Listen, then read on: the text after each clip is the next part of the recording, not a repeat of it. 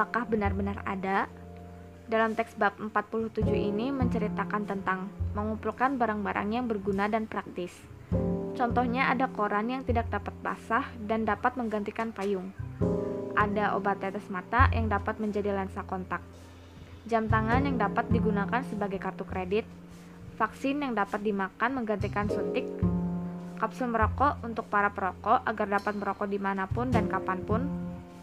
Dan celana yang dapat menyehatkan kaki orang tua yang sudah lemah budaya Jepang yang ada dalam teks ini adalah bahwa orang Jepang sangat bersemangat dan berani dalam menciptakan inovasi-inovasi yang baru dan unik untuk mempermudah kehidupan sehari-hari mereka.